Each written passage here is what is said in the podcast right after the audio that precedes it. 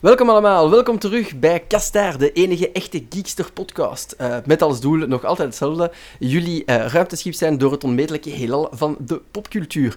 En net als elke derde maandag uh, van de maand gaan we eens de polshoogte nemen van wat dat er leeft in die sferen. En dat doen we natuurlijk met ons expertenpanel. Um, het expertenpanel switcht elke keer, maar één ding is een vaste waarde. Allee, één iemand is een vaste waarde, mijn excuses. en dat is co-host Anfie. Hoi! Hallo, welkom er terug bij, zoals elke keer. Take it away, we hebben nog gasten eigenlijk, hè? Ja, dat is waar. Um, we hebben van onze zuster podcast, neef podcast, ik weet het niet goed, Elven voor Twaalfen, het uh, immer fantastische Dungeons and Dragons verhaal, uh, Jorik mogen lenen, die voor een keer over serieuze dingen komt praten. Um, Jorik, vertel een keer hoe het gaat en wat je nieuwstopic is deze week. Hoi people, hoi. Uh, met mij gaat het eigenlijk best goed, want ik heb vandaag uh, heb ik 11 voor 12 terug opgepikt om er zelf naar te luisteren. Uh, en ik begon met die, die speciale aflevering waar ze zo een hoop uitleg geven. En ik werd er heel veel in genamedropt, dus dat maakt mijn dag wel goed. en voor de rest, het semester is terug begonnen voor mij, dus ik mag er weer in vliegen. Um, en ik, ik, ga het van, ik heb het vandaag, heb ik de artikels van Cashmere Hill van Gizmodo bij. Um, en zij heeft uh, afgelopen weken, elke, elke week een, een artikel gepubliceerd, uh, waarin dat ze elke keer een van de grote techbedrijven uit haar leven probeerde te bannen. dat gaat van Amazon, Facebook, Google, Microsoft en Apple. Uh, en dan de laatste week allemaal tegelijkertijd. Oh. Holy shit. Dus dat, was, ja, dat was een uitdaging. Dus bijvoorbeeld Amazon zelf, omdat die heel veel heel veel serverruimte verkopen aan, aan, aan heel, een heleboel uh, andere bedrijven. Uh, dat was bijna eigenlijk onmogelijk om, om eigenlijk nog het internet te gebruiken, uh, omdat eigenlijk alles op Amazon draait, zoals je ook alles bij Amazon kunt kopen. maar bijvoorbeeld ook, bijvoorbeeld ook Google is ook echt heel moeilijk. en dan op het einde heeft ze geprobeerd alles tegelijkertijd te doen. En ik heb dat gelezen en dat klinkt echt ja, dat is gewoon... Eh, je kunt beter in een grot gaan wonen, eigenlijk. Alright, ik ben, ik ben benieuwd. Dat horen we dan straks wel bij de uitgebreide besprekingen. Spannend. Mhm. Yes, spannend. Verder in ons panel hebben we uh, meestal een games- en anime-expert, maar deze keer zal het full-on anime-expert zijn. En ook uit de neef slash uh, nicht slash tante podcast 11 voor 12. En dat is Schmille. Hallo Schmille. Hey, how you doing? Eigenlijk Niels, hè. Maar ja. uh, zeg het eens, alles in orde daar? En welk topic breng jij mee? Ah, uh, hier alles absoluut in orde. Ik ben uh, net verhuisd, heb mijn nieuwe setup geïnstalleerd met uh, nog een paar kleine kinks in de kabel, maar dat, dat komt wel goed. En vandaag heb ik mee eigenlijk mijn review van Dragon Ball Super Broly. Um, tevens ook de eerste Dragon Ball film die ik in de cinema heb gezien in mijn leven. Um, en het maakt heel wat bij me los. ik ga het zo zeggen. In typische Schmille fashion waarschijnlijk. Alright, dan ben ik benieuwd om uh, te horen wat dat uw verdict daarvan was. Ja, dan hebben we ook nog uh, uit het verre Limburg Jeroen meegebracht. Jeroen is een beetje een expert in vooral strips en boardgames. Uh, en wat heb jij meegebracht vandaag? Hallo. Ik kom vandaag over strips babbelen. En 2019 is een beetje een feestjaar voor twee stripreeksen die mij heel nauw aan het hart liggen. En dat zijn De Goede Ridder en Sandman van Neil Gaiman. Hola. Hmm, dan ik om daar ook meer over te horen. Oké, maar kijk, dan hebben we onze expertenpanel en dan Nog hebben niet we helemaal, onze... Jason. Uh, ja. Last but not least hebben we natuurlijk ook onze fantastische host, Jason. Expert vooral in podcasten. Uh, weet ook heel veel over games en mediawijsheid. Ja, wel, de, de mediawijsheid is een ideale segue eigenlijk, want dat is nog het laatste wat ik moest zeggen voordat we eraan kunnen beginnen, en dat is ons debattopic. Want uh, deze maand, deze keer gaan we het uh, hebben over uh, de cijfers van, het, de nieuwe Digimeter. Dus het IMEC-rapport over het gebruik van digitale media in Vlaanderen. En er zijn toch een paar nieuwe zaken die het bespreken waard zijn, zoals een klein tipje van de sluier. Meer dan de helft van de Vlamingen ligt zichzelf regels op bij smartphonegebruik. En ik vond dat toch wel uh, interessant genoeg om eens een keer uh, te horen wat dat ons panel daarvan vindt en hoe dat iedereen daarmee omgaat. Dus uh, subiet gaan we daarin vliegen. Maar bon, ondertussen, we hebben ons panel, we hebben onze topics, we hebben dus ons debattopic nu ook. Ik denk dat we er allemaal dat we er kunnen invliegen. Hè? Klaar? Helemaal. Alright, hier komt de aflevering.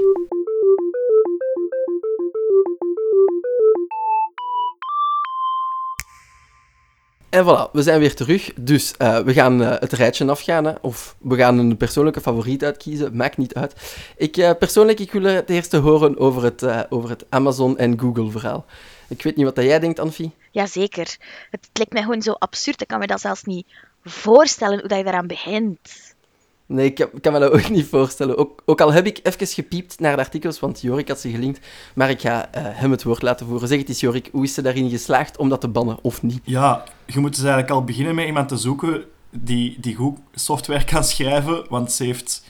Uh, je kunt niet zomaar uh, zeggen, ah ja, ik ga stoppen met Gmail gebruiken en dan stoppen met Google Docs en geen YouTube meer kijken en dan is het in orde omdat ik, zoals ik de rest zei, superveel services gebruik maken van al die grote techbedrijven. Uh, dus wat ze heeft gedaan, uh, is eigenlijk iemand um, een, een, VPN laten schrijven die specifiek al, naar al uw, uw trafiek kijkt. Dus alles wat jij doet met toestellen, dat bekijkt hij. En alles wat komt van een van de IP-adressen die een van die bedrijven dan, of allemaal tegelijkertijd, die, die beheert, die worden eigenlijk geblokkeerd. Dus het is eigenlijk een, een custom filter uh, gemaakt voor dan op haar smartphone en thuis op haar, uh, op haar laptop en op haar router en zo. Waardoor dat je dus eigenlijk ja, onmogelijk die, een van die services kunt gebruiken, zelfs als je niet weet dat die er eigenlijk op draaien. dus bijvoorbeeld wat ze dan had, is dat ze een Uber wou bestellen, maar omdat Uber de, de, map, de mappen van de kaarten van Google Maps gebruikt, konden die app zelfs niet open doen. Dus die crashte gewoon omdat hij geen toegang kreeg tot Google Maps. Uh, dat, soort, dat soort leuke dingen. Um, en dan... Ja, bijvoorbeeld ook haar, een iPhone kon ze niet gebruiken. En zij, zij, zij, zij gebruikt heel graag een iPhone. Dan moet ze dan aan een Android-telefoon gaan. Maar dan dacht ze, ah ja, maar ik ga maar geen Android-telefoon kopen, want in die laatste week moet ik alles blokkeren. En Android is van Google. Dus dan is ze meteen naar een dom toestel gegaan. En dus dat is echt zo, ja je, blijft zo zoeken naar een manier om dat te doen. Uh, en uiteindelijk, ja, het is, het gewoon duidelijk dat je eigenlijk bijna onmogelijk aan de kluwen van Google, Microsoft, Apple, Amazon en Facebook kunt, kunt geraken. Dat is bijna onmogelijk om te doen. Dat is eigenlijk, ja, dat is eigenlijk de waanzin om daar zelfs aan te beginnen, want je moet al een custom VPN laten bouwen, wat ook al niet gemakkelijk is. Um, maar ja, nu is de VPN gebouwd, hè? Ja, ah, wel, dus ja, tuurlijk, dat, maar dat, dat, ik, ik zou het ook niet willen proberen en, en ik denk ook niet dat, dat, dat het openbaar is gemaakt of zo. Uh, maar het is, het is een goed experiment om te... Uh, het is een goed experiment om te laten zien dat um, die bedrijven eigenlijk zich volledig hebben ingegraven in, in, in alle aspecten van ons leven. Waardoor dat eigenlijk ook heel moeilijk is, en dat is een punt dat ze aanhaalt uh, in het stuk van Microsoft, is het heel moeilijk om eigenlijk voor kleinere bedrijven om eigenlijk uh, die van de troon te stoten om dan zelf een groot bedrijf te worden. Dus in een tijd dat Microsoft gigantisch werd, hebben ze dat tegengehouden. Door eigenlijk te zeggen, ja, je mocht niet meer Internet Explorer de facto als standaard browser installeren op Windows. Je moet de keuze geven aan de consument. En een van de, van de theorieën is dat daardoor Microsoft eigenlijk zijn grip op, het, op de tech-industrie heeft verloren en eigenlijk de, de ruimte heeft kunnen laten komen voor dan smartphones van een uh, van Google om, om eigenlijk groot te worden. Maar dat gaat nu niet meer, omdat eigenlijk die bedrijven op dit moment zodanig gigantisch zijn en niemand er eigenlijk echt tegenin gaat, dat eigenlijk de, theorie is dat eigenlijk als je een, een bedrijf zou starten nu, wordt het al bijna onmogelijk om die, om die van de troon te stoten. Dus dat, dat, dat, maakt zorg ervoor dat je, dat je eigenlijk ja, toch wel vragen moet beginnen stellen bij, bij hoe dat we dat moeten beginnen kunnen aanpakken. Ja, laat staan een bedrijf zelfs op te richten zonder enige tool of hulp van, van die grote bedrijven. Ja, voilà, inderdaad. Uh, bijvoorbeeld, dus... bijvoorbeeld, bijvoorbeeld, Slack is, is, is eigenlijk een van de potentiële uh, bedrijven om, om eigenlijk het, het, de Office-pakket van Microsoft eigenlijk te vervangen of, of, of uh, te, te bekampen. Maar die gebruiken keihard van Amazon. Dus dat is eigenlijk nog altijd... Als Slack heel erg groot wordt, versterkt dat eigenlijk de positie van Amazon tegenover Microsoft. Het is zo'n constante, ja, dat is een constante wisselwerking, waardoor je eigenlijk met, met een monopolie zit van vijf bedrijven eigenlijk, hè, bijna. Ja, wat dat echt ook absoluut niet goed is voor de consumenten. Nee, en, geen, enkel, we...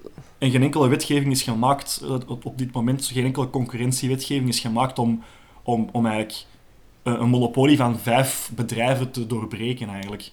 Uh, Ja, eh, eh. Dus dat is heel lastig. Europa probeert, er al, probeert daar al lang iets, iets tegen in te brengen, maar ja, dat, dat is een proces van jaren en jaren, dus dat is heel moeilijk. En zeker omdat aan de Amerikaanse kant, waar die bedrijven gevestigd zijn, daar gebeurt basically niks. dus dat is, een, eh, Ja. ja. dus dat is super lastig en dat is heel, heel frustrerend. En, en het is ook wel echt eng om die artikels te lezen, eh, dat het zo onmogelijk is om daaraan te ontsnappen. En heeft ze daar eh, iets, aan, iets aan overgehouden? Allee, iets goed of slecht in de privé? Vond Eh, ze dat ze meer vrije tijd had? Of eh, werd ze er zot van, van eh, zonder die bedrijven te kunnen leven? Ja, het was, het was volgens mij vooral heel lastig om, om nog productief te blijven eigenlijk. Ehm, omdat je... Bijvoorbeeld als Amazon wegvalt, ja, je kunt die research bekend niet doen. Hè? Of communiceren met je werk, met, met, met, an- met andere werknemers. Ehm, maar bijvoorbeeld ook toen als ze Apple blokkeerde, ja, ze kon, ze kon geen berichten sturen naar haar, naar haar ouders met foto's van haar, van haar kind bijvoorbeeld.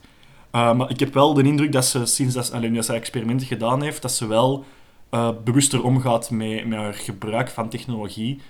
Uh, En ik denk dat dat, zonder dat je dat moet doen, denk als je dat leest, dat je dat ook wel, ehm, dat je dat ook wel kunt, kunt nemen als les uit het haar lijden eigenlijk. Dat je wel bewuster moet, moet, moet omgaan met hoe dat je met technologie omgaat. En dat komt dan ook weer, daar kunnen we straks nog over hebben, uh, ook, ook qua aandacht geven aan technologie.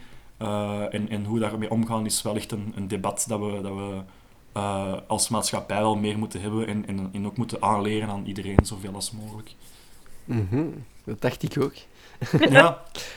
Maar het is, echt, allee, het is waanzin. Als je dat leest, dan denk je, waar is dat begonnen en hoe is dat zo ver kunnen komen? Dus het is wel uh, zeker de moeite om eens een keer uh, op, een, op een zondagavond af te drukken en dan een nietje ertussen te steken en dan door te bladeren in de zetel of zo. Af te drukken, zeg de bosbrossers. Zouden, uh, zouden vies zijn. Dat ook gewoon op je tablet lezen. Dat kan, dat ah, kan. nee, want dat ja. mag niet meer. nee, maar ja, we plaatsen sowieso de links uh, in, ons, in onze linksectie van het artikel. En dan kun je dat uh, rustig op het gemak uh, teruglezen. ik ben er door een paar geweest. Het is een 7, 8 minuten read ja. per hoofdstukje. Maar ik, moet mij, ik heb mijzelf nog het stukje gehouden waar dat ze alles tegelijkertijd probeert. Dus ik ben uh, wel benieuwd om te zien hoe dat verder verloopt. Maar we hebben het er zometeen over in het debat. Alright. Anfie, jij mocht het uh, volgende topic kiezen of doorgeven. Ja, mag ik gewoon het, het mijne doen? Het duurt niet zo lang. Het is iets leuks. um, het heeft ook te maken met op zondagavond lezen in de zetel. Uh, minder voor mensen van onze leeftijd, denk ik, want wie heeft er spijr, spij, Kruistocht in Spijkerbroek niet gelezen? Uh, de Hmm. de bestseller van Thea Beckman. Um, is uitgekomen in een nieuwe versie die 2,5 euro kost. Uh, wat dat dus peanuts is voor een boek. Um, en wat dat er vooral heel leuk is, dat heb ik vanmiddag gedaan.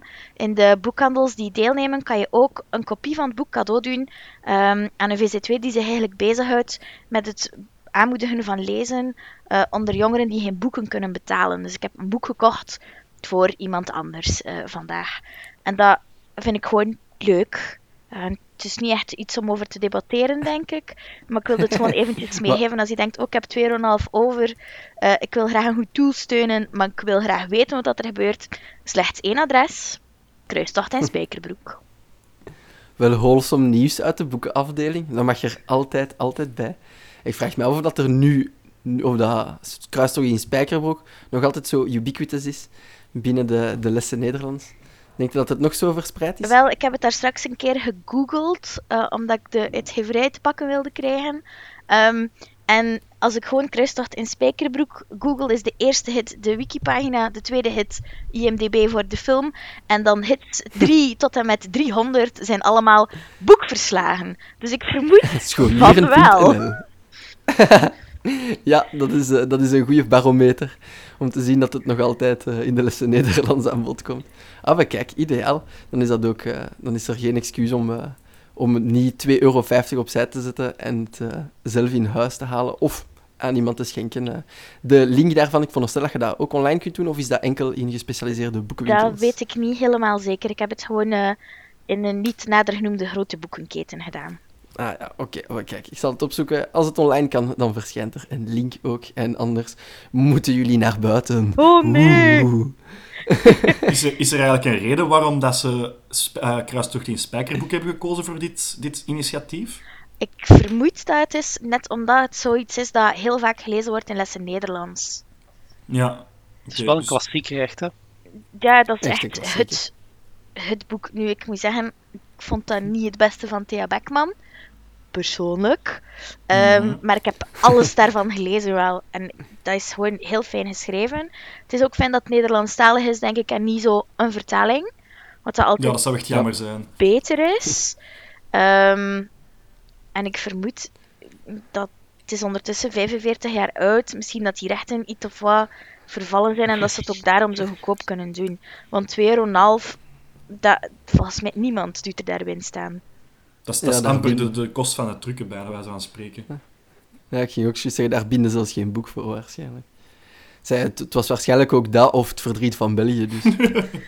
Wat dan niet zo geschikt is voor kindertjes ah, wel, voilà. Of voor Dus, eh, oudertjes. of oudertjes. Ehm, maar nu dat we toch over lezen bezig zijn, kunnen we als volgende misschien naar eh, Jeroen overschakelen in verband met stripverjaardagen. Happy birthday! Eh, de. Segway koningin. Ja, daar sta ik even van te kijken.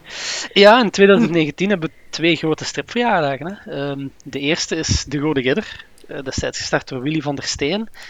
Die mag 60 kaarsjes uitblazen dit jaar. Ik denk dat het daarmee wel een van de langstlopende reeksen in Vlaanderen en België is.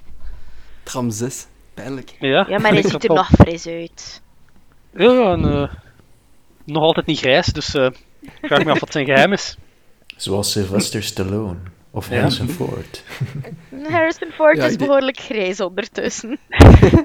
En ik denk ook niet dat de Rode Ridder zijn geheim botox is. En eigenlijk is hij nog ouder, hè, want eh, de stripreeks is van 1959, dus de stripreeks is 60 jaar oud. Maar eigenlijk was de Rode Ridder daarvoor een, een boekenheld. Hè? Dus hij Ah, speelt Oh, de hoofdrol in de, in de jeugdboeken van Leopold Vermeijeren. En ik geloof dat hij in die boeken zelfs nog eh, zwart haar had. Kijk, vandaag daar heb ik echt iets bijgeleerd. Ja, ja. Is daar toen der tijd een overeenkomst geschreven met- ge- gemaakt met die Leopold Vermeijeren. eh, dat ze zijn personage in de stripreeks mochten gebruiken. En dan is Studio van der Steen daarop gesprongen. Ehm, je moet weten, Studio van der Steen, dat is een, een machine, dat is een bedrijf geweest. ja. Nee, maar echt zot.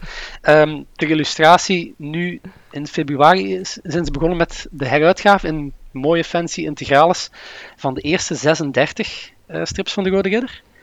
Mhm. En dat zijn de strips waarvan de Steen zo nog een beetje de, de touwtjes zelf het straks in handen had. Ehm, wat wil zeggen, hij was grotendeels verantwoordelijk voor de verhalen. Maar het tekenen, al ja, de man had genoeg te doen. De man had Susken en Wiske, de man had Bessie, de man had god weet wat allemaal. Dat liet hij eigenlijk aan, voor heel wat albums aan zijn medewerkers over. En daarom zit je in veel van die eerste 36 albums eigenlijk echt gigantische schommelingen in kwaliteit. Dus, en zeker die, die 36e, ik geloof de Zwarte Roos was dat, die is echt verschrikkelijk slecht getekend. Oei. en dat gaan ze vieren dit jaar.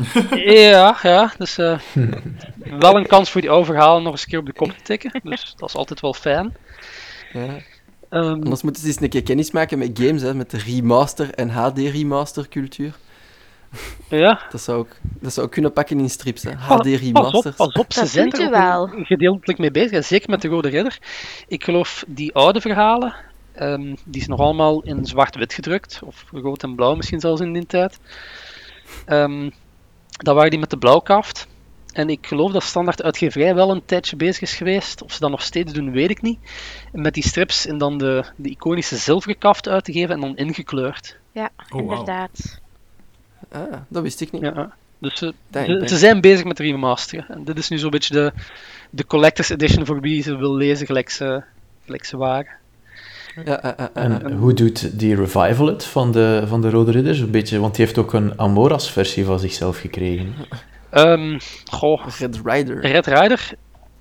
Tja, ik, ik ken de cijfers er niet van. Ik vond dat persoonlijk heel geslaagd. Ehm, maar het is een eindig verhaal, dus het zijn die drie delen. Het is daarbij gebleven.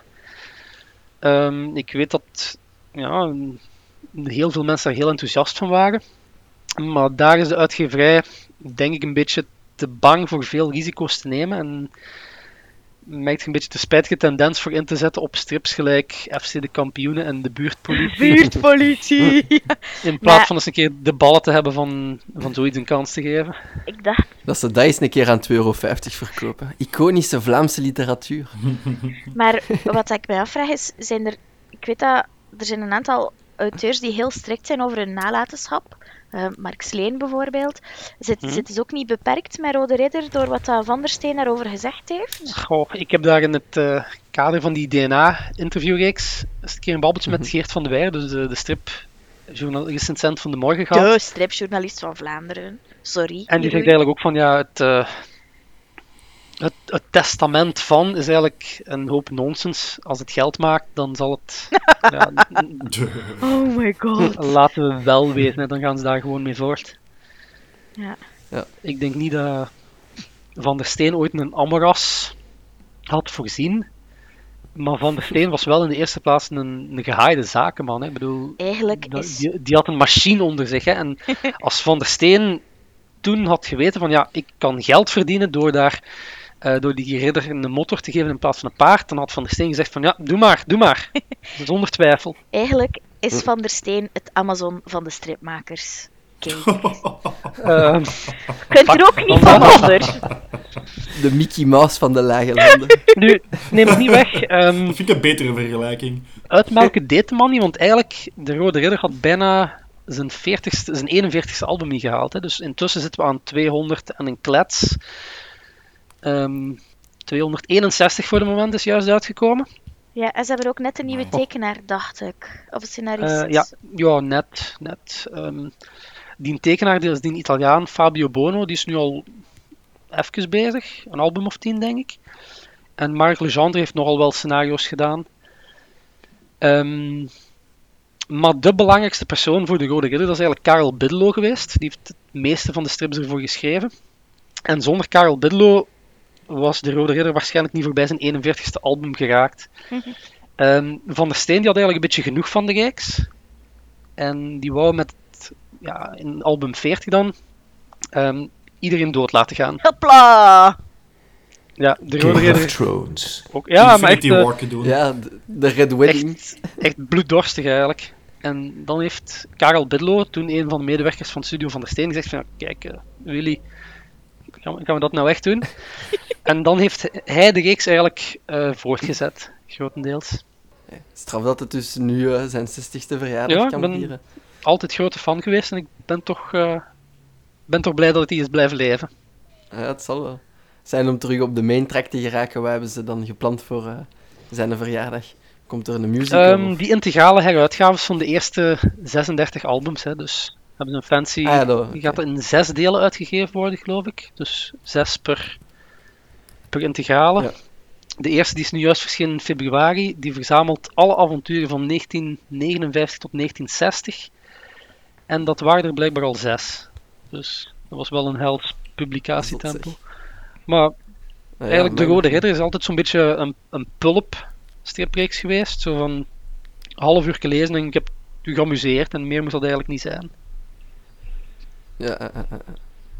Alright. En eh, er was nog iemand die zijn verjaardag Ja. vierde Eh, dit jaar? Had ik de indruk? dat is Sandman, de comicreeks van Neil Gaiman.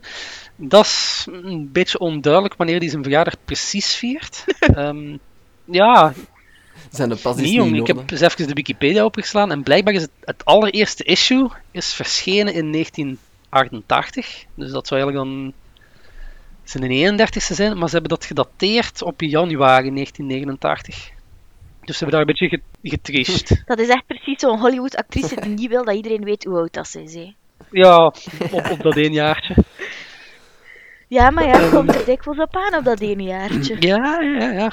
Ehm, heeft er iemand van jullie al Sandman gelezen of is iemand daar bekend mee? Ik neem aan, de Rode Ridder zal wel bekend zijn, maar Sandman is misschien zo wat Wel, obscuurder. Ik heb onlangs stond ik in, ehm, in Leuven in de stripwinkel en ik dacht, oh dat ziet er cool uit, ik wil daaraan beginnen. Maar ze hadden de eerste drie volumes niet. En het is een beetje lastig om dan te beginnen natuurlijk. Ja, je hebt die wel nodig. Ehm, ik heb destijds, toen ik ermee begonnen ben, heb ik even een beetje een, een, diepe, een, een duik in het diepe genomen. En heb ik mij gewoon ineens de, de boxset gekocht. Amai. Dus dat is wel een 120 euro dat je erin gokt. Maar het was het zo hard waard. Uren en Is ook uren één- leesplezier. Een van de weinige strip comicreeks die ook echt literaire prijzen heeft gewonnen, volgens mij. Boah, er zijn er wel meer, hè. Mouse bijvoorbeeld ook. Ja, maar hij zit zowel in. Ja, maar dat is een graphic novel. Maar... Ja, ja, maar hij zit zowel een beetje in dat rijtje ook hoor. Hij is heel goed. eh, eh, Ah. World Fantasy Award in 1991. In totaal 26 Eisner Awards. Oh, wauw. Eentje Ehm, voor elk jaar, hè. Het is eh, gewoon ja. palmares. Damn. Ja, eh, nu. Het is al een tijdje afgelopen, de reeks. Hè. Dus de reeks zelf is in 96 eh, gestopt. Het laatste deel. Intussen zijn er ook nog wel eh, spin-offs geweest, of zo af en toe is een one-shot. Ehm, ik geloof dat er vorig jaar ook enkele nieuwe spin-offs gestart zijn. Ik denk dat we daar een artikel over gepubliceerd hebben, dat we ongetwijfeld gaan linken ook. Zeker wel. Het zal wel. Ehm, en ja, het is, eh, het is fantasy, het is een beetje speciaal. Ja, maar als Ja, gamen is, kan het geen brol zijn. Nee, nee, nee, dat is waar. Gamen, dat, is, eh, dat durf ik blind kopen. Als die, zijn keel, als die keel zijn naam erop staat, Neem Niet twijfelen. fan, fanboy ten Oh, top. kijk. Zijn in al die adaptaties eh, nog geen sprake van een Netflix-serie of wat dan het ook? is, Maar ik dacht dat het er is iets zo'n- heel psychedelisch en moeilijk om te adapteren eigenlijk. Het wijkt eigenlijk het best in stripverhalen. Want het gaat eigenlijk om Dream, eh, dus de, de zandman zelf. En dat is de verpersoonlijking van het concept droom. Cool. Ja, het is heel erg psychedelisch bij momenten en dat krijgt je moeilijk op, op, op film. Want ik geloof ehm, in 2013 was aangekondigd dat er een film gemaakt van ging worden met Joseph Gordon-Levitt aan het roer. Yes. Ehm, die heeft dan blijkbaar dat project verlaten en ik weet niet hoe het er nu mee gesteld is. Dus ik denk dat dat zo'n beetje een development limbo zit. Ja, hel. Ehm Ja. Gaiman zelf heeft gezegd van liever geen adaptatie dan een slechte. En daar ben ik ook wel volledig mee eens. Dus... Maar ik hoop wel dat het ooit gebeurt. Want het is ziek goed. Altijd een vat vol klas, hè, die man. Je kunt erop vertrouwen dat als hij een adaptatie ziet, dat het op zijn minst in orde zal zijn. Ja, Kijk super hard uit naar de reeks van Good Omens. ja hè. Geheel terzijde. En Aladdin. Zullen we dan ook meteen linken? Nee, nee, nee, niet Aladdin. Nee, nee, nee, nee. dat heeft niks te maken met de man. Het eerste wat dat daar, als dat iets moet zijn, dan is dat de personificatie van nachtmerries. Ja. Allee. Will Smith ziet er toch heerlijk blauw uit en al. Oh boy. Ik wist niet dat dat een criteria was tegenwoordig. Gewoon heerlijk blauw. Ja, het, wijkt, het wijkt voor de smurf. Eigenlijk... Eigenlijk wel een goede transitie, hè. Want eh, als ik mij niet vergis, is er in Dragon Ball Super toch ook wel wat, heel wat blauw haar te zien. Ah ja, inderdaad, blauw haar. Aha, want wij, aan wat zitten we dan? Ultra Instinct, ik weet niet hoeveel. Ja, Ultra Instinct is nog een andere kleur, hè. Ah, dat is dat nog dat- iets anders. Dat dat wit, wit is, eh, als ik me niet vergis, ja. dus Eh, ik ben alweer versies achter. Ja, ja, ja, ja. Alle kleuren van de regenboog, het zeeënhaar. Alright, dan vertel eens aan, bij welke kleur zijn ze dan eh, deze keer gestopt op het grote doek? Eh, nu zijn ze eigenlijk eh, begonnen en geëindigd met de kleur groen. Eh, omdat dat de kleur is die eh, maar symbool staat voor één Super Saiyan eh, in hele Dragon Ball Universe, en dat is Broly. Mhm. Ehm, en Broly is eigenlijk een personage dat ze nu weer hebben, eh, ja, hebben canon gemaakt, hebben gerevived voor de nieuwste Dragon Ball film. Ehm, er zijn al een paar films van geweest, eh, van het personage Broly. Ehm, maar het grote verschil nu is dat eh, hem, zijn personage nu eigenlijk een beetje karakter en kleur heeft gekregen. Het is eigenlijk minder een vleesmuur waar ze tegen vechten en meer een echt personage met motivaties en, eh, en, en ja, bedenkingen en eh, toch wel eh, ja, een beetje emotionele turmoil die, die daarin zit. Terwijl voorheen was het gewoon, dit is Broly, he gonna whoop your ass. En dan gebeurt dat. En dan denken ze, shit, dat is wel een krachtige kerel, dus we moeten een beetje over the limit gaan. En dan doen ze dat en dan is Broly verslaan. Einde film. Ehm, nu, deze Dragon Ball Super Broly film is ook zo, maar die, die, die, pakt het, die pakt het volledig anders aan. Dus eh, Dragon Ball Super Broly die gaat eigenlijk verder op de, de anime die sinds Dragon Ball Z eh, is verder gegaan in Dragon Ball Super met een nieuwe eh, creative director ook. En die eigenlijk die saga heeft voortgezet nu door in de manga en de anime. En die ziet nu een standalone adventure met Broly. En ze geven hem eigenlijk de backstory die hij altijd verdiend heeft. Dus vroeger wist je niet waarom hij eigenlijk vecht. hij is daar gewoon, dat is gewoon een Saiyan die ze uit het oog hadden verloren. En oh, hallo, hij is daar. Nu moet je hem bevechten. Ehm, terwijl nu is, wordt er aandacht gegeven van, uh, kijk, dat is een Saiyan die verstoten is door, door de planeet Vegeta, dus de thuisplaneet van de Saiyans. Ehm, die dan gestrand is samen met zijn vader op een onherbergzame planeet en daar gewoon gehard wordt en gevormd wordt door zijn vader, bijna gebrainwashed, om wraak te zoeken op zijn thuisplaneet. Nu, het lot wil dat die thuisplaneet dan compleet van de kaart geveegd wordt door Frieza, ons alom bekend. Um, the guy that keeps on dying. um, Ik zal u een foto linken dan via. Hij ziet er niet schoon uit. Ja. Geen enkele versie. Wel, maar uh, Bro Broly of Frieza? Want Frieza, is eigenlijk een beetje de Dragon Ball versie van Napoleon. Want ik, als uh, ik... over het laatst beseft. als ik nu ga zeggen dat ik nog nooit van mijn leven iets van Dragon Ball Z gezien heb, gaat dat dan weer zijn die keer met Jurassic Park? Ja, dan zijn we een co-host armer, ja, dat is, een, dat is een goede quote dat we weer kunnen klippen en op sociale media smijten, denk ik. En dan zien hoe mensen erop engageren. Alles voor de engagement. dat is ook wel waar. Uh, gewoon praktisch zwijgen op dit punt. nee. Ik wist dat ik niet alleen was. ja, zoals je een paar zekerheden hebt in het leven, hè, zoals de, de tech giants onze, leven onze levens beheersen en de Rode Ridder ook al 60 jaar bestaat, is het voor mij ook een beetje Dragon Ball Z, dat al heel lang meedraait voor mij persoonlijk. Ehm, die, dat is ook een van de meest bekende Japanse personages in het Westen, denk ik, Goku en Vegeta, naast Pikachu dan. Ehm, en ook, ik weet nog dat ik van de bus altijd rap naar huis aan het lopen was, gewoon om maar die ene aflevering van Dragon Ball Z mee te pikken, waar er eigenlijk absoluut niets gebeurt, uh, waar hij gewoon staat te roepen voor, voor een half uur lang. En dat er weer zo'n dialogue komt van Next time in Dragon Ball Z, will Goku finally defeat Frieza on the planet Namek before it explodes in five minutes? Al negen afleveringen lang. Maar ja, dus... Uh, het was echt ook een entertainende film, Dragon Ball Super Broly. Gewoon ook om eindelijk eens een Dragon Ball film in de cinema te zien. For the first time ever. Dat was, dat was echt briljant. Lifetime uh, achievement. Ja, ja. en het, het, het helpt ook wel dat die film gewoon heel goed gemaakt is. Het neemt ook geen... Uh, het doet zich ook niet voor alsof het iets super uh, zot intellectueel is. Nee, die mannen weten gewoon van, dit is een Dragon Ball Z-film, een Dragon Ball Super-film. Je komt daar naar kijken omdat je wilt dat Goku en Vegeta het opnemen tegen de vleesmuur Broly met anger management issues. Uh, en het is, het is eigenlijk best samen te vatten als een film die het eigenlijk goed uitlegt van wie is Broly, waarom doet hij de dingen die hij doet en waarom is hij ineens op de aarde, uh, met de nodige humor en kwinkslagen. En de tweede helft van de film is eigenlijk gewoon één wild joyride van animatie en echt gewoon ja, adrenaline krijgen van een film te zien. En dat heb je, dat heb je echt niet veel. Uh, dus ik vond dat een heel leuk gevoel om te hebben. En ik ben ook heel blij dat Kinepolis en ook andere cinemas in België die stap hebben gewaagd voor gewoon zo een zeer obscure anime-film van wel big budget natuurlijk, want in Japan hebben ze er met ziek harde budgetten naar gesmeten. Uh, wel binnen te trekken in onze Vlaamse cinemas, want wij zijn uiteindelijk een klein landje met heel vaste waarden in cinema en dit is echt heel niche.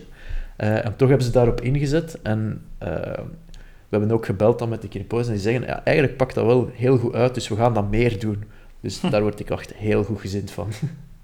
ik ging vragen, hoe zag uw zaal eruit? Was iedereen in cosplay ook? Uh, weinig cosplay, wel veel Dragon Ball Z-fans. Dus zo, het zijn zo'n beetje stiekem cosplay. Ik ken dit zo? Mensen ja, met, met, met, de limited edition Adidas'en aan van Dragon Ball Z, t-shirten, uh, waarschijnlijk onderbroeken van Dragon Balls. Uh, ja, dat soort zaken. Shenlong op een onderbroek, dat is eigenlijk nog de marketing. The Dragon Awakens. Uh, I shall protect your ball. anyway. Alright, maar dus uh, een aanrader. En als je hem niet kunt gaan zien in de cinema, hij komt waarschijnlijk uh, achteraf uit op DVD of gaan we hem kunnen zien op een online platform? Ja, dat is een beetje de vraag waar die dan gaat beschikbaar zijn. Eh, want dat is allemaal via Funimation dat het eh, verloopt. En ik ken ook die, het bedrijf niet goed genoeg om te weten waar hun distributie en zo ligt. Maar ik denk dat het altijd maar aan het uitbreiden is. Ik hoop dat ze hem ooit eens op Netflix krijgen. Maar gezien Dragon Ball Super ook nog niet op Netflix staat, eh, betwijfel ik het. Ze Staat het er allemaal in van één Dragon keer. Ball op Netflix? Ik denk het niet. Ik Denk het niet. Ehm, Waar Heeft zou die dan naartoe kunnen? Crunchyroll of zo? Of? ja, Crunchyroll. Ik denk dat die eh, daar partnerships mee hebben. Ehm, Mhm. Maar ik denk dat het een kwestie van tijd is eer dat er ooit eens een seizoen op Netflix zal geraken. Of een paar obscure films, eh met Cooler bijvoorbeeld, eh, van Dragon Ball Z, dat soort zaken. Aight, alright, super.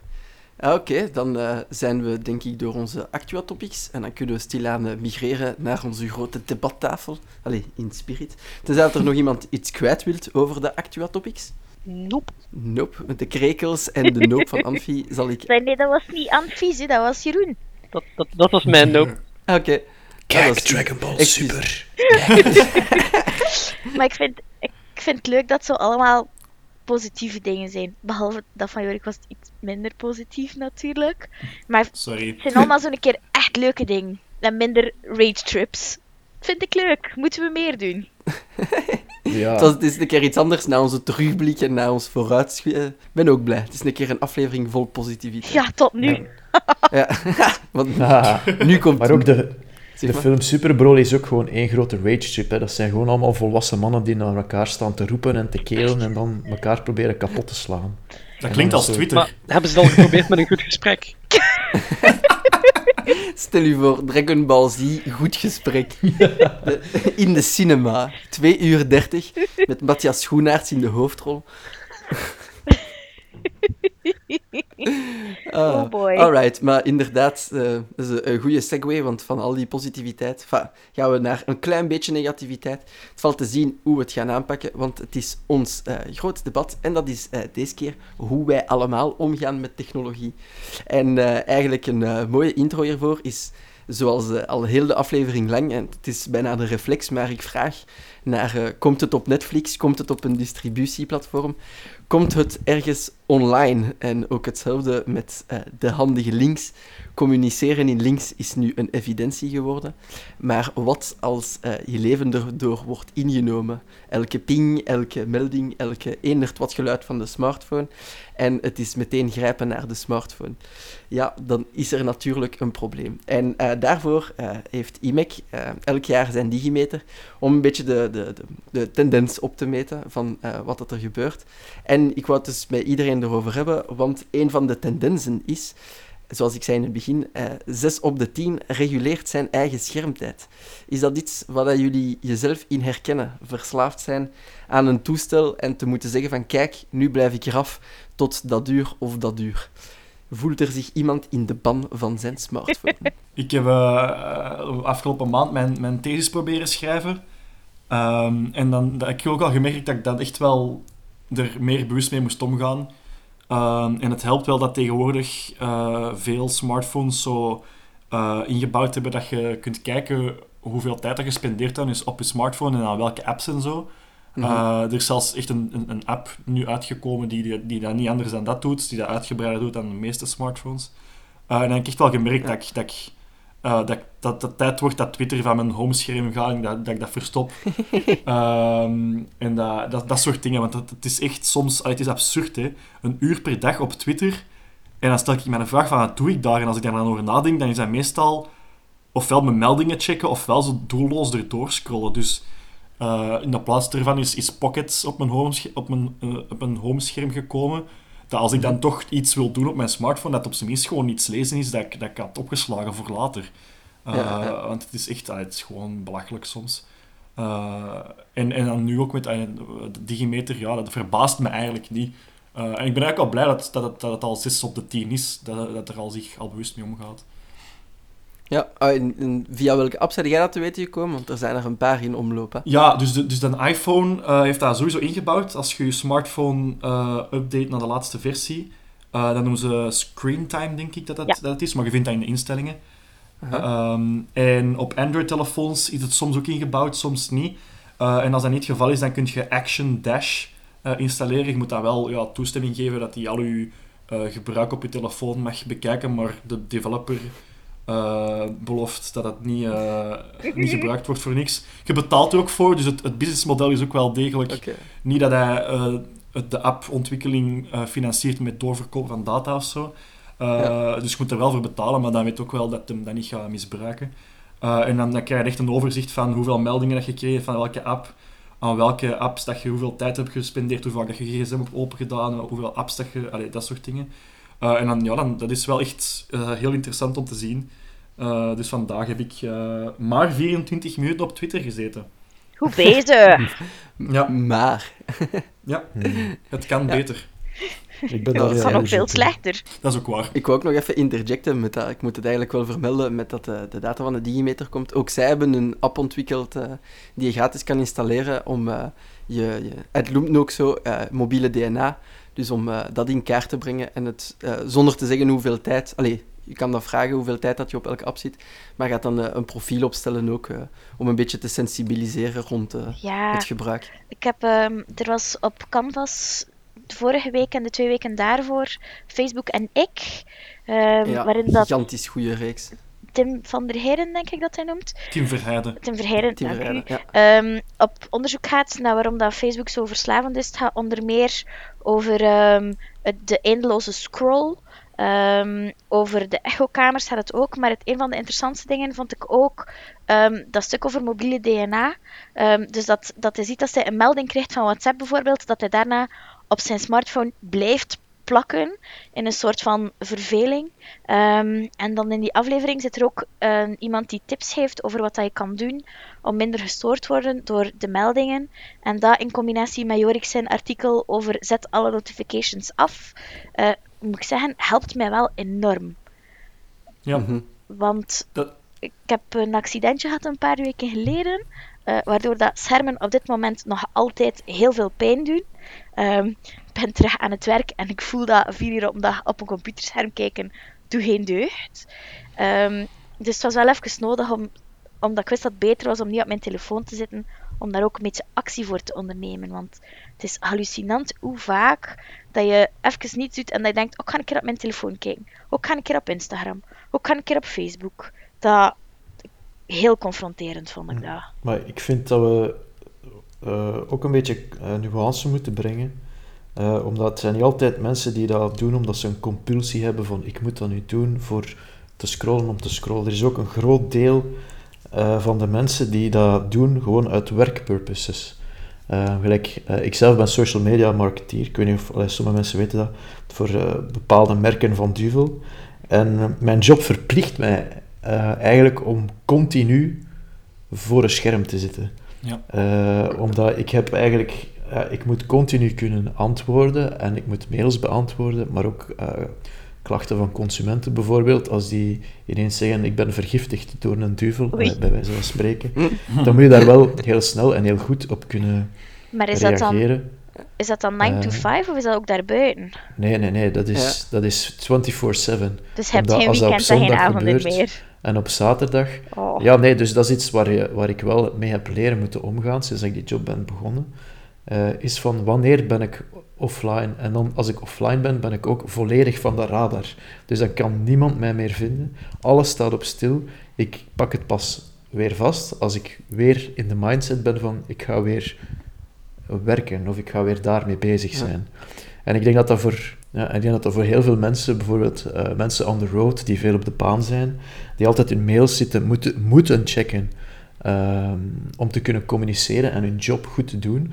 Het zit ook gewoon veel harder verweven in onze werkethiek, in onze samenleving, om dat te doen. En dat gaat niet zozeer van, ik moet Facebook checken. Het gaat van, ik moet ehm, deze connectie checken, ik moet met die persoon praten, ik moet dat zeggen, ik moet daarmee bezig zijn. Mhm. Eh, en dus eigenlijk, waar dat we vroeger pen en papier hadden om te werken, is dat ook allemaal verplaatst naar een scherm. En ja, de, het zijn die dingen die, die veel voor mij problematischer zijn dan... Allee, je hebt ook mensen die verslaafd zijn aan Facebook en aan Instagram scrolling. En dat is een mindset die ook gevormd wordt ja, door gewoon heel die werkethiek, heel dat die samenleving dat hij zich heeft eigen gemaakt, doordat die tech giants, eigenlijk dat Jorik zei, zo verweven zijn in ons leven. En dat is gewoon een nieuwe manier van... Dat is bijna rewiring van ons brein, hè. Ja, maar dat is toch Ja. Absurd. Allee, ik, ik lees mijn werkmails niet. Als ik niet op mijn werk ben, ben ik niet bezig met mijn werk. En ik ben blij dat dat zo is. Want het, je werkt toch gewoon burn-outs in, in de hand op die manier. Door te eisen dat mensen altijd bereikbaar zijn. Het is, is nu wel specifiek de job natuurlijk. Hè. Social media manager is nog iets anders. Ja, dan- maar er zijn genoeg andere jobs waarin dat er ook verwacht wordt dat je je mails leest buiten de werkuren. De eerste job dat ik gedaan heb, eh, kreeg ik mails om tien uur s'avonds van mijn baas. Ik verwacht dit morgen om tien uur op mijn bureau. Ja, maar bon, dat zijn slaap je dus al niet. Ja, Dat is, ik denk niet dat dat zo'n uitzondering is, want ik weet dat, dat er een aantal bedrijven zijn, ik dacht onder andere BMW, die de toegang tot de mailbox van thuis gewoon volledig afgeschaft hebben. Net omdat Ja, maar dat, dat- zo'n risico was. Dat past ook mooi in ons kraam, want dat is uiteindelijk het reguleren van. Hè. Is als de mensen niet meer nuttig zijn of niet meer productief zijn op een applicatie, kan ik het ook wel snappen. Hè. Allee, het, is, het is één ding om, om disruptief te zijn, een mail te hebben om tien uur, maar wie kan er zeggen dat hem om tien uur s'avonds die mail met, met dezelfde, hoe moet ik het zeggen, dezelfde kwaliteit kan beantwoorden of de taak kan uitvoeren, nog grap. Ja, of misschien is dat zelfs beter voor die persoon. Dat, dat kun je ook niet in uitspreken. Je hebt mensen met een heel ander bioritme die zeggen van, als ik thuis ben en al mijn kinderen liggen in bed, eh, ik zit aan mijn pc, kijk, dan ga ik nog wat mails beantwoorden. En dat is voor mij uw goed recht als, jij dat, als dat een goede flow voor is. Maar als ik Ja, Maar het iets heb probleem van, is... ja, je mocht dat niet van mij verwachten dat ik hetzelfde ga doen. Ja, het probleem moet wel is een keuze blijven. dat dat hè. wel Ja. een verwachtingspatroon creëert bij werkgevers over bereikbaarheid en dergelijke meer. En dat je, je krijgt een volledige vervaging van wat zijn werkuren. En dat, is, Ja. dat vind ik gewoon niet oké. Dat zijn goede vraagstukken voor eh, human resources beleid en thuiswerkbeleid. En daar moet je natuurlijk gewoon heel goede afspraken over maken. En daar moet iemand mee bezig zijn die echt weet van, kijk, nee, dit zijn onze afspraken en als iedereen zich daaraan houdt. En dat ook aangegeven wordt van, kijk, ja, dat, dat kan. Als jij om tien uur mails beantwoordt s'avonds, maar je moet ook realistisch blijven en van iemand die ook zijn uren doet, die ook niet eisen van, ja, doe dit als je slaapt. Allee. Ja, met, ik- met, met, dat wij met tegen is ook zo. Dat is ook, dat is ook geen 9-to-5 bezigheid, eh, redactie leiden van, van zo'n website. En dat, dat, dat merken jullie waarschijnlijk ook mee dat jullie, mee dat jullie bezig zijn, meer in, in een leidinggevende rol. Maar ik verwacht ook niet dat, dat als, als, eh, als ik een bericht stuur naar, eh, naar Said of naar Bram, dat die meteen antwoorden. Tenzij dat ik natuurlijk op een artikel aan het wachten ben, dan wil ik wel dat ze snel genoeg reageren. Maar dat is een, dat is een afspraak dat je, dat je kunt maken, vind ik, als, als leidinggevende. Van oké, nee, je moet niet, niet altijd bereikbaar zijn, maar als, als, ik weet, als ik u nodig heb, moet ik wel weten waar ik u echt nodig heb, omdat, omdat het dan dringend is. Eh, en, en, en communicatie is ook belangrijk. Dat, dat, ik, ik, ik laat ook altijd een dag op, of twee op voorhand weten van... Vraag ik even van, komt dat artikel in? Is dat, gaat dat in orde komen? Krijg ik dat op die moment? En dan weten zij ook van, als dat op die moment niet, eh, op die dag er niet is, dat ik er dan echt wel ga achter zitten. En dan verwacht ik wel dat ze antwoorden, ook al is het misschien 11 uur s'avonds. Uh, zodat ik tenminste kan zeggen tegen, tegen Sophie van ja, er komt geen artikel of er komt wel, er komt later of het een of het ander. Uh, maar ik bedacht mij ook, met wat Niels zei, onlangs bedacht ik mij dat, dat ik mij gewoon niet meer kan herinneren de, de laatste dag dat ik niet een, een, dat ik 24 uur lang mijn laptop niet had opengedaan. Zo, dat moment in de tijd, dat, dat kan ik mij gewoon niet meer herinneren. Zo een dag dat ik dat gewoon niet had opengedaan. Dus dat is ook zoiets dat ik me denk van, ik, ik ga eens een keer... Dat moment bestaat niet. Ja, voilà. Ja, ik dat moet moment keer... bestaat wel, hè? Is- Ja, oké, okay, maar tien jaar geleden of zo, nee, denk ik, op deze, deze, moment. Als je deze geen week schermen- nog. Ja, maar ja, ik ging juist zeggen, als je, als je de schermen moet vermijden, dan is dat toch het grootste scherm dat, eh, Ja, dat je moet bannen. maar ik zou liever mijn scherm eens een keer vermijden zonder dat ik er een, uh, een Nee, medische maar- aandoening als aanleiding voor heb. Dat is wel een drastische Los maatregel. daarvan, ehm, voor nieuwjaar ehm, heb ik ook regelmatig periodes gehad waarin dat ik mijn laptop s'avonds niet opendeed. Ik, ik kijkte al een hele dag op het werk op een computer en s'avonds kwam ik thuis en dan wilde ik iets leuks doen. Ja, maar, Ah, dat is- allee, ah. dat, is, dat is een een kwestie van... Dat is, dat is eh, jouw keuze, jouw ritme. En jij hebt ook de, in je hoofd het, het idee van... Ik, ik kan dit. Ik, ik kan dit zonder problemen. Als ik dat doe, voor mijn job, dan, dan brandt het binnen een uur. Bijvoorbeeld, omdat, omdat je bijvoorbeeld niet antwoordt op iets dat net binnenkomt, de site is down, er is geen ticketverkoop en dan ben ik ineens niet beschikbaar. Je- Maar ik wou daar, ik- als dat mag, wou ik daar ook nog eens een keer specifiek op inzoomen, want jij hebt inderdaad een heel, een, een heel aparte situatie, is dat de meldingen niet, niet privé, alleen niet mensen zijn of niet je Facebook, maar dat is effectief een, een soort 24 uur hotline of klantendienst voor sommige, Mhm. voor sommige zaken. Maar wat je daar straks zei van compleet, compleet offline, dat is dan toch ook het teken dat je dat nodig Ja. hebt af en toe, dat, dat je, je werknemer gunt u dat ook. Ja, ja, Dat je- zo- dat is zeker. Die zijn daar ook heel, Ja. heel goed en correct in. Maar ik zeg gewoon, vanuit eh uw werkethos kunt u wel verplicht voelen, want ik heb, dat is mijn grote valkuil, dat ik, dat, ik, dat ik het soms bijna niet wil doen, omdat ik het gevoel heb, ik ga hier dingen missen. En, Mhm. en dat is voor mij ook het gevaar, en dat is denk ik wat dat bij heel veel mensen speelt, met heel veel schermtijd, is gewoon die fear of missing out, van wat als ik het nu niet doe, dan, wat- dan mis ik dit of dit of dit.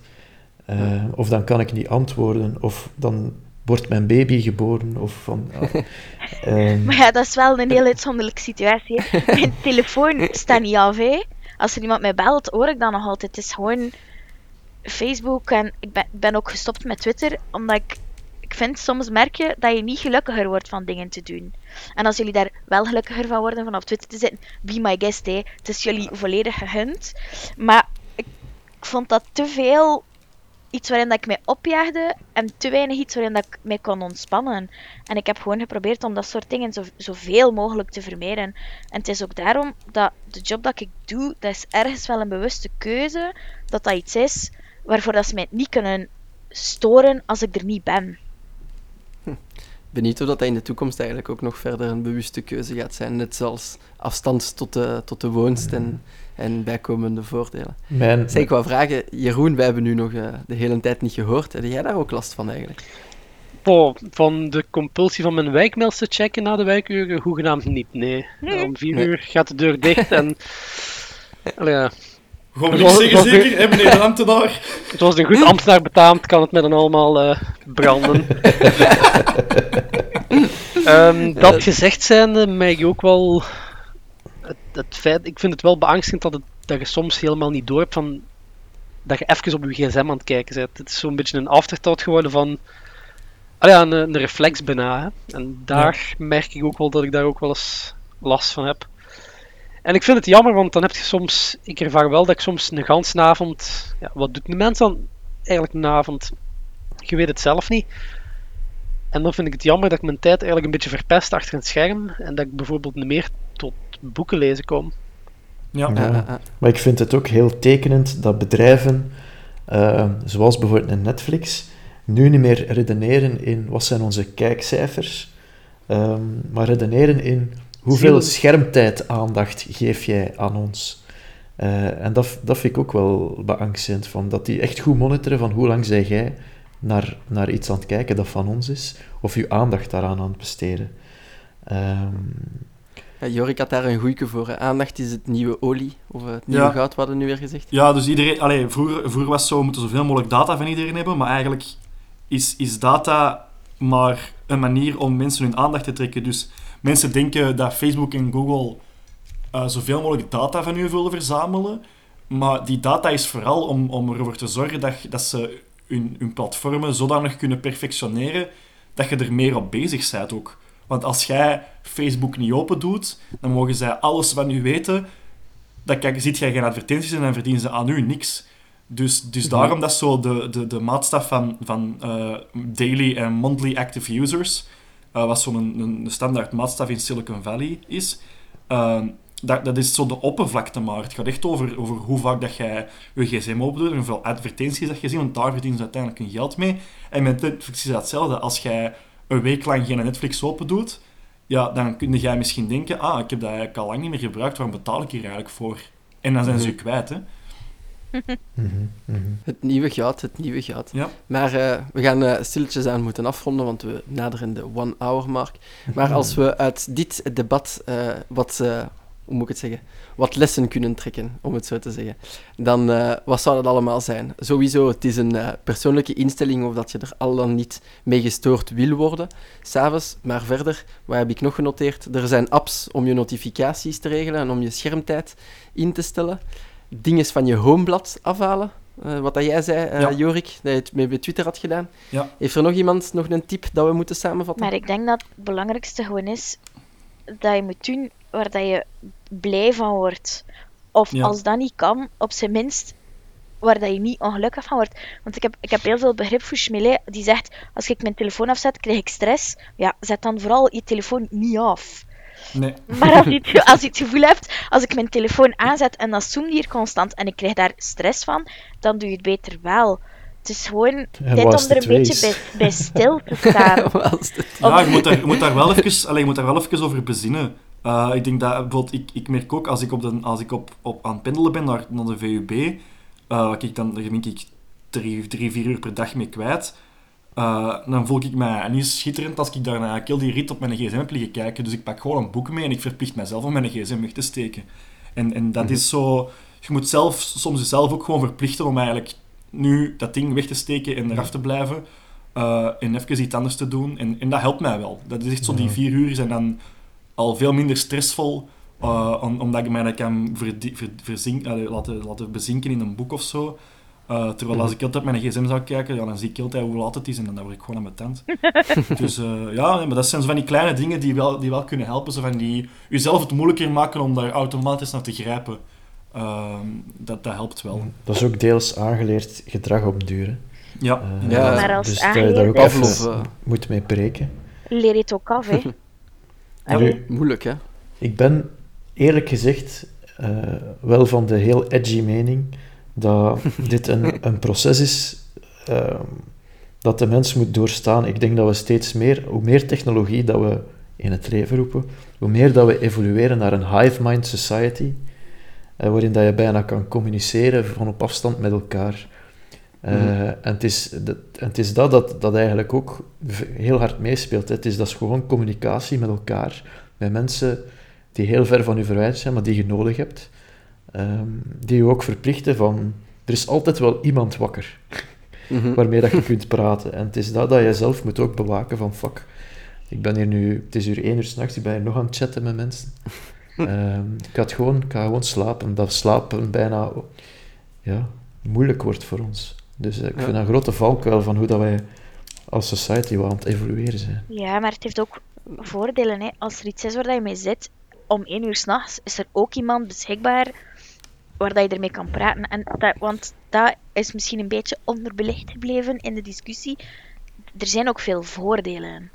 Ah, ja, is ja, niet allemaal slecht, hè. Ehm, Nee, nee, nee. maar inderdaad, Netflix brengt ons veel joy en goede series ook, hè, maar ze hadden wij de, de helft geen job meer, denk ik.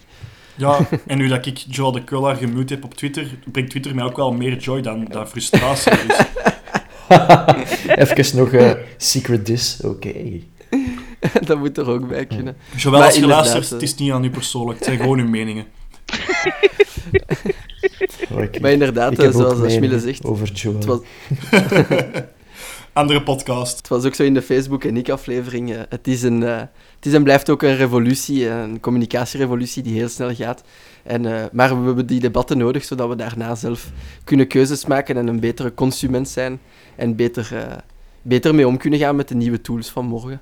Dus blij dat we dit, hebben kunnen, eh, dit gesprek hebben kunnen hebben. Ik moet er nog, heeft er iemand nog iets toe te voegen hieraan, voordat we het afsluiten voor vandaag? ja, Ik vind dat je dat goed samengevat hebt. mensen die Facebook en Ja. ik nog niet gezien hebben, het staat op VRT nu en het is echt dik de moeite. dik de moeite. Ik zal dat ook linken. eh, ik denk dat dat mag. Dus eh, nee, nee, zeer goede reportage. Het is drie keer 40 minuten wel. Dus niet in één zitting misschien, maar eh, heel, heel goede onderzoeksjournalistiek. En heel confronterend ook waarschijnlijk voor sommige gebruikers, denk ik.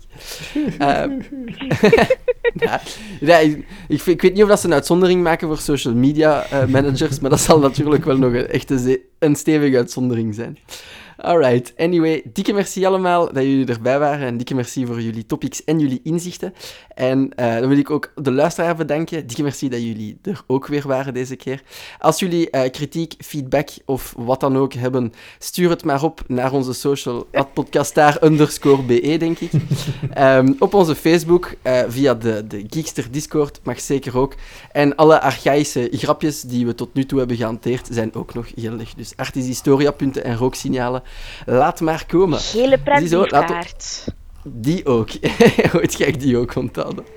Alright, laat ons weten wat je ervan vonden en of dat jullie ook verknocht zijn aan jullie smartphone. En dan zien we jullie, of niet, in uh, de volgende aflevering. Toedeloe, ciao ciao. Bye. Kijk, Dragon Ball Super. Doei. Yo. Kijk, Dragon Ball Super. Beste